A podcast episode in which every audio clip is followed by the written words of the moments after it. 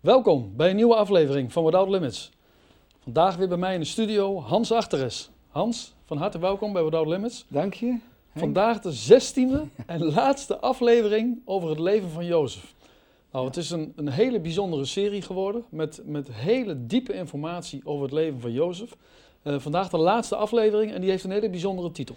Jozef leeft nog 54 jaar en sterft als hij on- 110 jaar is. Ja. Nou, als we nou kijken naar het leven van Jozef, hè? eh, hij is aan het einde van zijn leven gekomen. Eh, wat heeft jou nou, nou het meest aangesproken uit het leven van Jozef? Nou ja, allereerst ehm, zou ik haar zeggen, God de eer. Eh, we zien in het leven van Jozef eigenlijk niet zoveel verkeerde dingen, om het zo uit te drukken. Maar wij weten uit ervaring, ieder mens, ook de gelovigen, wij ontrouw, soms bij tijden en wijlen, maar God blijft getrouw. Maar soms kun je wel genieten van iemands geloofstrek, van iemands geloofskarakter. En dan denk ik aan één ding, en dat is, eh, hij hield vast, Jozef, door alle tijd heen aan Gods droom. Ik denk, om het zo uit te drukken, hij krijgt van de Heer ook inderdaad een kroon, Jozef. Hij hield vast aan Gods droom. En dan vergelijk ik, ik heb een vergelijking een beetje met, met eh, het leven van Jozef. En dat is eigenlijk naar aanleiding van eh, het leven van Mozes en natuurlijk eh, de Israëlieten die uit Egypte gingen. Dat was natuurlijk jaren daarna. En dan weten we allemaal dat ze daar kwamen bij de Schelfzee. Ja. In, in de verte zien ze daar een stofwolk. Boven hun is de hete zon, onder hun het hete zand. Voor hun de zee en achter hun een, ja, eigenlijk de Egyptenaren die, eh, die naderden. Dus eh, levensgevaarlijk en bedreigend en noem maar op.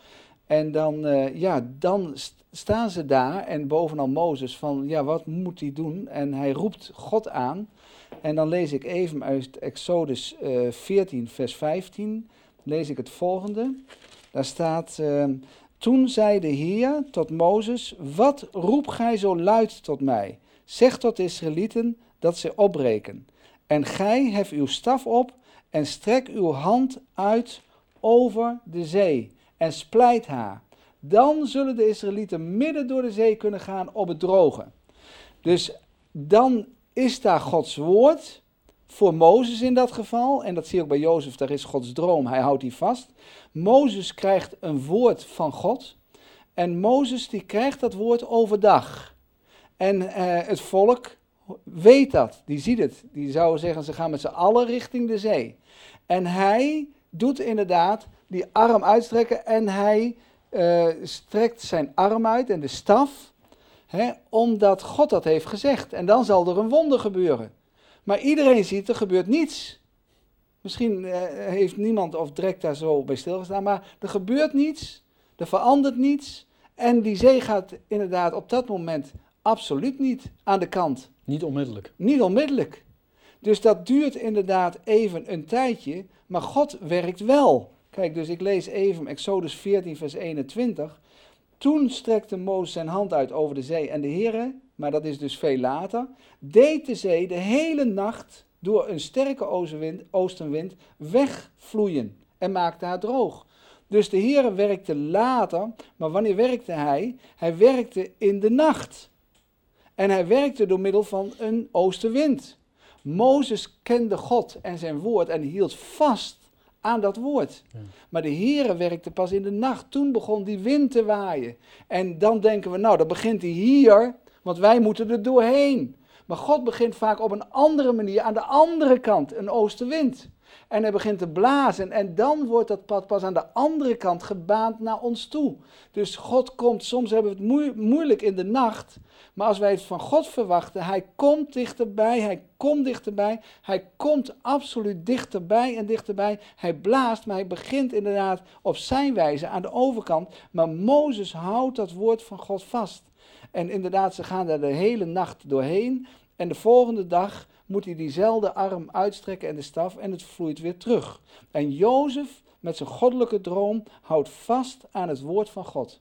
Het bewijs was al een pronkgewaad. Hij was overtuigd van de droom van God en hij vertelt die. Maar zijn broers zeggen, onzin. Jij, nou zo is het ook met het volk van Israël, die zeggen, we zien niks. Je kijken. We kijken die Mozes, wat hij doet. We zien helemaal niks. Er gebeurt ook helemaal niks. Maar God werkt wel. Als God spreekt, gebeurt het wel. Maar we moeten vasthouden aan wat de Heere zegt. Uh, er staat in Psalm 105, vers 16. En dat vind ik een, een bijzonder mooi woord. Psalm 105, vers 16. Daar staat: Toen hij hongersnood opriep over het land en alle staf van het brood verbrak, zond God een man voor hen uit. Jozef werd als een slaaf verkocht. En er staat er tot de tijd dat zijn woord uitkwam. Dus kijk, en dat vind ik zo mooi van, van Jozef. Wat vind je het mooiste? Hij hield het woord van God vast. Hij kwam bij Potifar, maar hield zijn droom vast. Ook werd hij vals beschuldigd. Hij kwam in de gevangenis, hè, duisternis, donkerte, uitzichtloosheid, maar hij hield zijn droom vast. Hij zag zijn broers pas na twintig jaar, zag hij ze voor het eerst komen en hij wist, dit is het woord van God. Hij hield zijn droom vast. Ze buigen twee of zelfs drie keer voor hem en hij weet, dit is de droom van God. Hij houdt de droom van God vast.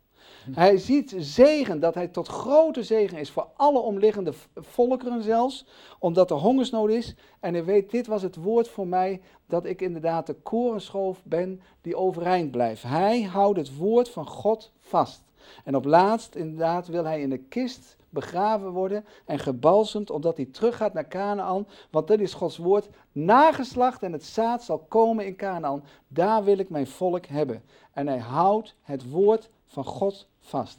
Ja, dat vind ik uh, geweldig. En uh, ik wilde nog iets over lezen in Genesis 49, waarin, uh, dat is dan wel een heel ander stuk, maar dat gaat dan over de, het sterven van Abraham. En Abraham, ja, die sterft zoals iedereen dat zou wensen. Je zegent, uitgaande van dat je kinderen hebt, et cetera, zegen je je kinderen. En hij had zijn kleinkinderen al gedaan. En dan staat er op het eind van zijn leven, toen Jacob geëindigd had zijn zonen bevelen te geven, trok hij zijn voeten terug op bed, gaf de geest en er werd tot zijn voorgeslag vergaderd. Wat is mooier, met een glimlach op het gezicht, de voeten terugtrekkende, inderdaad de handen gevouwen, de ogen dicht en hij slaapt in en het is zo. En dan lezen we inderdaad in vers 1 tot en met 3 van hoofdstuk 50. Toen wierp Jozef zich op zijn vaders aangezicht en hij beweende hem en hij kuste hem. En Jozef gebood zijn dienaren, de geneesheren, zijn vader te balsemen. En de geneesheren balsemden Israël.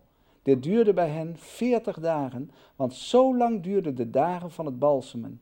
En de Egyptenaren beweenden hem 70 dagen.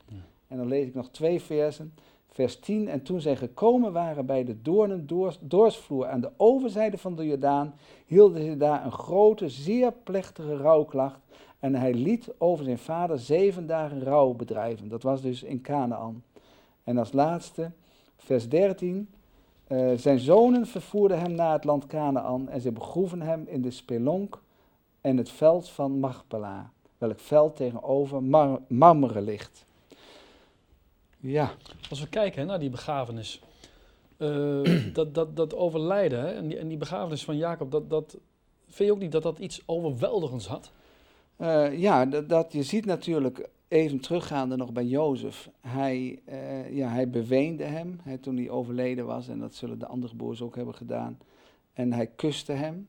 Nou, uh, ja, ik denk even aan mijn eigen vader. was alweer 24 jaar geleden dat mijn vader overleden was en dat ik het bericht kreeg. Hij heette Albert. Misschien, uh, dat, heet, dat betekent ook vorst, maar dat is natuurlijk door genade.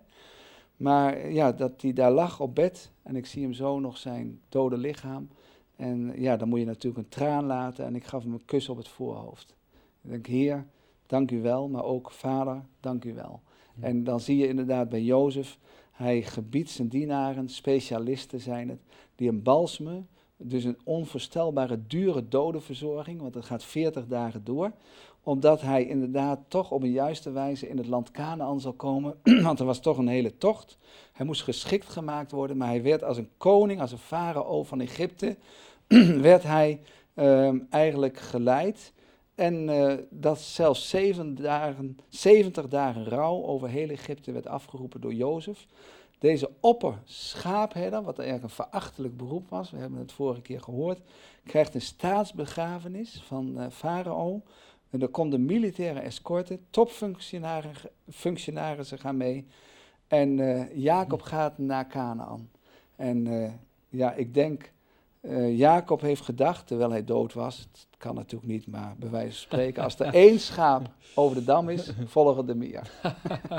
hij denkt, er volgen meer. Laat mij maar voorop gaan, want de vervulling van God komt eraan. Het ja. zal gebeuren. Amen. He, Genesis 50, als je dat Henk eens wil lezen, Ja. vers 15 tot en met 21. Genesis 50, vers 15 tot en met 21. 15 tot en met 21. Jozef troost zijn broeders, staat erboven. Toen Jozefs broeders zagen dat hun vader gestorven was, zeiden zij: Als Jozef zich nu maar niet op ons gaat wreken en ons ten volle al het kwaad vergeldt dat wij hem hebben aangedaan. Daarom zonden zij Jozef deze boodschap: Uw vader heeft voor zijn sterven geboden: Zo moet gij tot Jozef zeggen: Och, vergeef toch de overtredingen uw broeders en hun zonde, want ze hebben u kwaad aangedaan. Nu dan, vergeef toch de overtreding der dienaren van de God uws vaders. En Jozef weende toen men zo tot hem sprak. Ook kwamen zijn broeders zelf, wierpen zich voor hem neer, neer en zeiden: Zie, wij zijn u tot slaven. Maar Jozef zeide tot hen: Vrees niet, want ben ik in Gods plaats? Gij hebt wel kwaad tegen mij gedacht, maar God heeft dat ten goede gedacht, ten einde te doen zoals heden het geval is, een groot volk in het leven te behouden. Vrees dus niet, ik zal u onderhouden en ook uw kinderen. Zo troostte hij hen en sprak tot hun hart. Ja, ja. Mooi. Als we kijken hè, naar, dat, uh, uh, naar dit stukje, dan moet ik denken aan de broers. Hè. Uh, hun werd vergeving geschonken. Waarom hadden ze daar moeite mee, mee? Waarom konden ze dat moeilijk aanvaarden? Ja, het is altijd heel moeilijk wat te doorgronden, maar eh, ik denk zelf van dat het ook voor de mens soms heel moeilijk kan zijn om echt volkomen genade, onverdiende gunst, ten volle uh, te aanvaarden, te ontvangen en ook zo door het leven te gaan. En dat komt dan door je schuldgevoel? Ja, ergens zit dat heel sterk in de mens.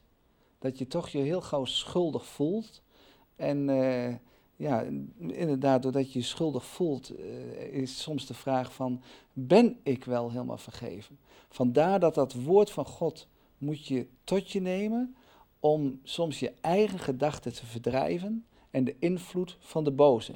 De Heer zegt dat wij een beminde zijn, dat we lieveling zijn, dat we zijn uitverkorenen zijn, terwijl je je soms niet waard voelt of waardig voelt. Ja. En, en dat is niet altijd makkelijk. En vooral ja, als sommige dingen uit het verleden weer opspelen naarmate je ouder wordt. He, want hier zie je dat de begrafenis, je hebt het gelezen, is achter de rug. En dan komt er bij al die broers allemaal angst. Uh, ze denken nu is uh, vader overleden, dat was ja. nog een soort bescherming, patriarch, et cetera. Maar Jozef zal zich laten gelden. Hij zoekt vergelding, wraak.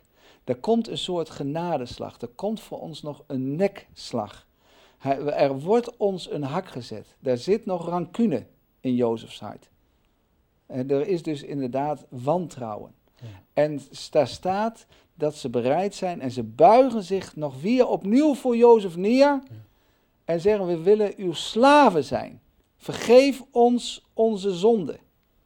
En Jozef, eh, ja, triest, die denkt: Jongen, jongen, kennen ze me nu nog niet? En Jozef huilt. Kennen ze me nu nog niet na al die jaren dat ik altijd voor hun gezinnen gezorgd heb? He, want het is ondertussen 17, 18 jaar, heeft hij ze geregeld ontmoet. He, en uh, ja, dat, dat, dat hij huilt. Uh, en soms kan een stille traan he, meer zeggen, bij wijze van spreken, dan duizend woorden. Ik vind het ook zo mooi hè, dat hij zegt in, uh, in vers 19: Vrees niet, want ben ik in Gods plaats. Ja. Met andere woorden, ja, ik, ik ga daar niet over. Ik oordeel niet en ik, ik neem geen wraak. Ja, dat is geweldig. Uh, dat, Dat is, allemaal aan God. Ja, dat is geweldig dat je, dat je niet zelf allerlei dingen of een aantal dingen wil regelen. want de Heer zegt, mij komt de wraak toe. Ja. En eh, als er iets is, laat het rusten. Of leer het af te wendelen op God. Als je inderdaad bemerkt dat iemand je schade heeft berokkend, pijn heeft gedaan, verdriet, vals beschuldigd, of noem maar op, of kwaad heeft aangedaan. En Jozef, ja, die is verdrietig. Hij huilt, hij vindt het triest. En Jozef, als die, om het zo te zeggen, zijn tranen de vrije loop heeft gelaten, die spreekt vriendelijk met hun. Hij stelt hun gerust. Hij geeft opnieuw het gebaar: Ik zal voor jullie gezin en gezinnen zorgen. En hij zegt wel: Jullie hebben inderdaad mij wel kwaad aangedaan. Hij weet het ook. En die broers weten het ook. ik ben door een diepe ravijnen gegaan. Mijn leven is bedreigd. Maar God, de Almachtige, gaf mij veerkracht. In al die moeite, in al die strijd. En noem maar op. Ik ben niet geknakt. Ik ben niet gebroken. Maar dat is inderdaad door God. Maar we kunnen vaak heel gauw mensen wat kwalijk nemen. En dat is mijn vraag ook aan de kijkers. Aan u, aan jou. Kun, kunt u allen vergeven die u beledigd hebben of kwaad hebben aangedaan? Dan moet u eens over nadenken. Kan ik iedereen vergeven die mij ooit heeft beledigd of kwaad heeft aangedaan? Daar moet u eens over nadenken. Want dat is van wezenlijk belang. Want de Heer zegt inderdaad, als je naar mij kijkt en je hebt bemerkt dat ik je vergeven heb, vergeven hebt, dat is inderdaad, je bent schuldvrij, je gaat met een schone lei door het leven, moet je ook bereid zijn om een ander te vergeven, wat die jou heeft aangedaan. Door je houding, door je spreken, noem maar op. dat kan op allerlei manieren. En hier zie je inderdaad een wantrouwen. en wij hebben soms ook een wantrouwen. Ergens heel diep weg van, ja, zou het echt echt zou de God inderdaad daar niet meer op terugkomen? Zal die ons dat niet toerekenen? Want liefde wil eigenlijk zeggen, hè, de liefde rekent het kwade niet toe en Jezus die rekent ons het kwade ook niet toe. En misschien, daar dacht ik nog even over na, de liefde bedekt alles, vergeeft alles. En daarom hebben we denk ik elke zondag nodig dat we geregeld horen dat Jezus inderdaad voor onze zonde stierf en dat hij ons vergeven heeft. Maar je hebt de indruk bij deze broers ook dat ze de dingen nog nooit goed hebben uitgesproken. Dat er nog onbeleden zonden waren. En als er zonden zijn die nog niet echt uitgesproken zijn naar een ander toe, dan, ga dan krijg je scheiding, afstand, er is diepweg onrust in het hart, er is wantrouwen en ergens knaagt er iets. Hmm. En door een gebeurtenis zoals het overlijden, komt het naar de oppervlakte. En uh, nou, dan moet je het gaan benoemen. Dan moet je het beleiden. Dan moet je zeggen, zo, ik heb, dat was niet juist van me. Of dat die, zoals ik zelf heb gereageerd of gedaan naar je toe, was ook niet goed. Soms is het goed om de dingen te benoemen en te beleiden. En dan kom je los van dat diepere, wat onderhuids of in je hart verscholen zit. Dat je eerst bereid moet zijn om soms eens je te verzoenen met die ander. Zonder vergeving is ook geen genezing. Nee, dan, dan, dan inderdaad is er herstel. Voel je ook vrijer. Beweeg je je vrijer en noem maar op. Maar anders inderdaad blijft er altijd iets tussen. En de Heer zegt van, uh, ja, soms moet je gewoon dat uitspreken, zoals deze broers ook.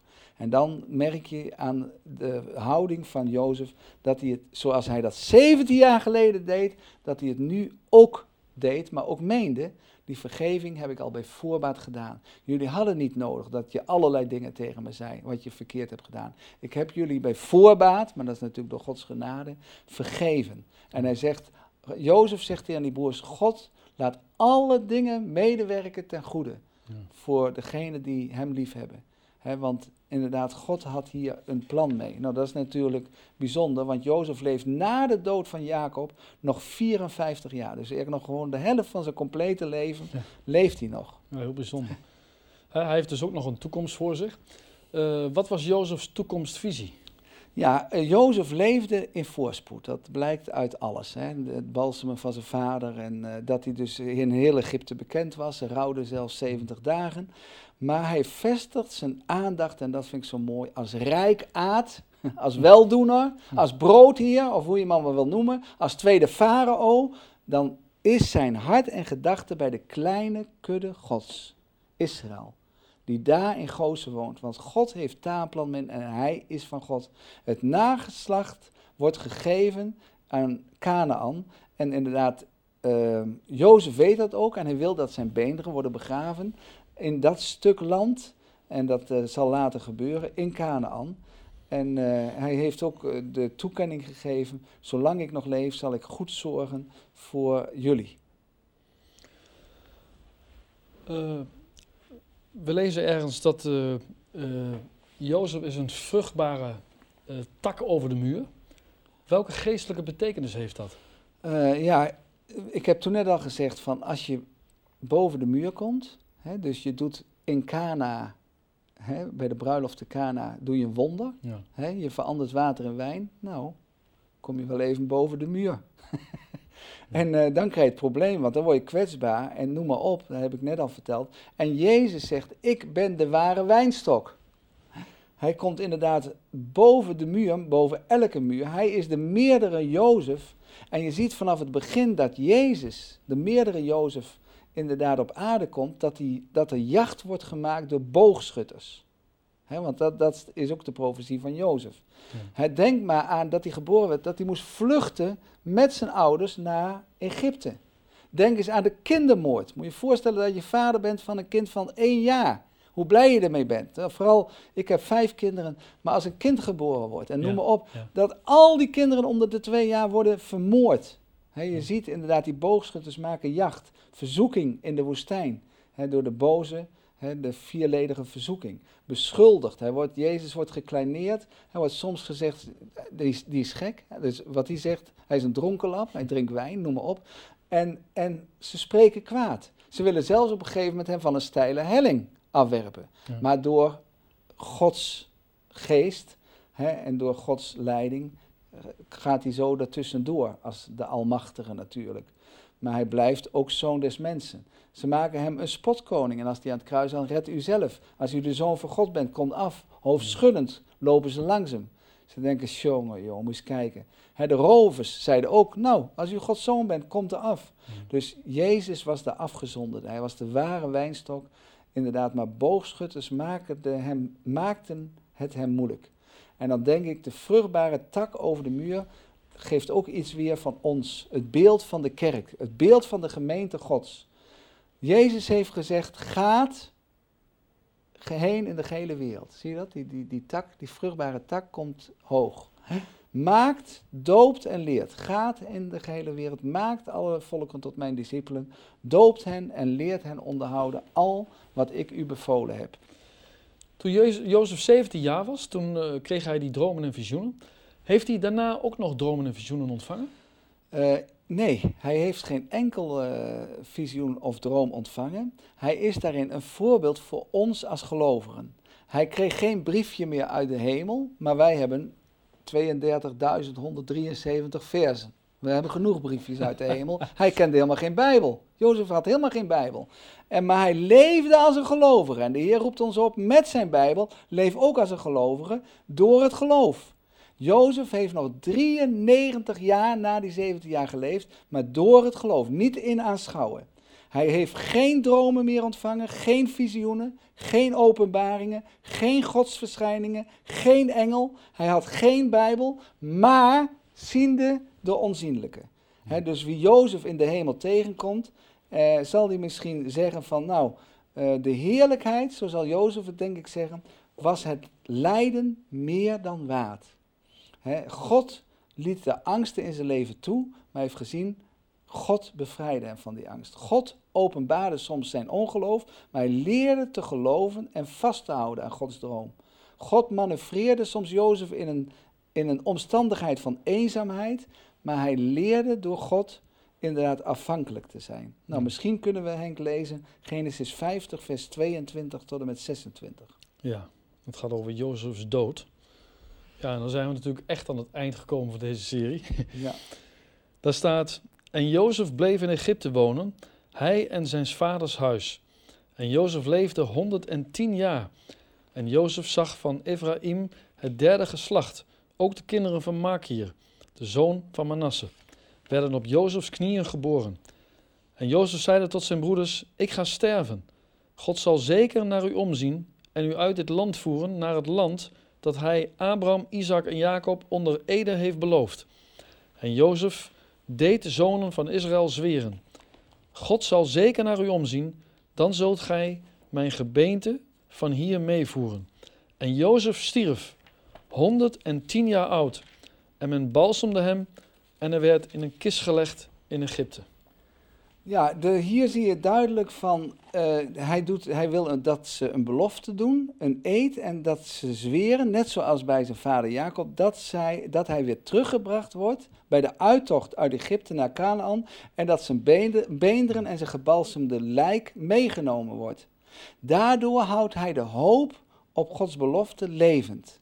Wanneer dus de Israëlieten moeilijk hebben, weten ze, het zal gaan gebeuren. En het, en het gebeurde ook als ze uh, uit Egypte gaan, hebben ze de kist bij zich. En uh, eh, 150 jaar ongeveer daarna, en dat lezen we in Hebreeën 11, vers 22, dat wat Jozef hier bespreekt en afspreekt, is een geloofsdaad. In Hebreeën 11, vers 22 staat het volgende. Door het geloof heeft Jozef aan het eind van zijn leven gewaagd van de uittocht van de kinderen Israëls en voorschriften gegeven over zijn gebeente. 900 jaar voor Christus, 4000 jaar geleden. Geweldig. Als we kijken naar de allerlaatste zin uit uh, Genesis 50, heeft dan het einde van Jozefs leven, hè, zijn dood, heeft dat ons nog wat te zeggen? Ja, daar staat in uh, Genesis 50, vers 26. Wil jij hem nog een keer voor me voorlezen, Henk? Ja, daar staat: En Jozef stierf, 110 jaar oud, en men balsemde hem, en hij werd in een kist gelegd in Egypte. En Jozef stierf. Maar de meerdere Jozef, nadat hij stierf, heeft gezegd: Ik leef en gij zult leven. Dat was Jezus Christus. Ja. Ik ben dood geweest en zie, ik ben levend tot in alle eeuwigheden. Opmerkelijk die laatste zin, want Jozef had geen graf. Hij wou ook niet in een graf. Hij zegt: Leg mij in die kist. Die kist wordt een paar honderd jaar bewaard of minder. En dat moet je meenemen. Hij was daarin een schaduwbeeld van de machtige, van Jezus Christus. Ja. Het was natuurlijk een fraai en een dure kist, maar dat vind ik bijzonder. Dus er zit heel veel typologie in. En aan het eind van al die lessen wil ik zeggen, zoals ik hier in het boekje heb geschreven, in de hoop dat dit boekje, Gods plannen zijn altijd positief, tot grote zegen zal zijn, schaar ik mij in het koor van de tienduizenden, tienduizenden en duizend duizendtallen en zeg met luide stem, lof, eer Heerlijkheid en kracht is aan Hem die op de troon zit en aan het lam in alle eeuwigheid. Amen. En als laatste de typologie voor les 16. En daar staat van Jozef, ik ga sterven. God zal naar u omzien en u uit dit land voeren naar het land dat hij onder Ede beloofd heeft. Dan zult u mijn gebeente van hier meevoeren. En het dode lichaam van Jezus Christus is een teken dat hij zijn belofte zal waarmaken. Jezus zal omzien naar de wereld. Hij zal opstaan. En er staat, en zij zullen hem ter dood brengen, en drie dagen na zijn dood zal hij opstaan. En in hem, door Jezus Christus, hebben wij de verlossing door zijn bloed, door zijn opstanding. Geprezen zij zijn naam. Amen. Amen. Hans, heel hartelijk dank voor 16 afleveringen over het leven van Jozef. Echt heel erg bedankt. Heel bijzonder. Ik heb, ik heb er zelf heel veel van geleerd. Heel diep inzicht gekregen in het leven van Jozef, ook vanuit Gods woord, in Gods woord, hoe God werkt. Het is echt uh, ja, geweldig. Ik dank je heel hartelijk en uh, ik wens je Gods rijkste zegen in jouw bediening. Dank je.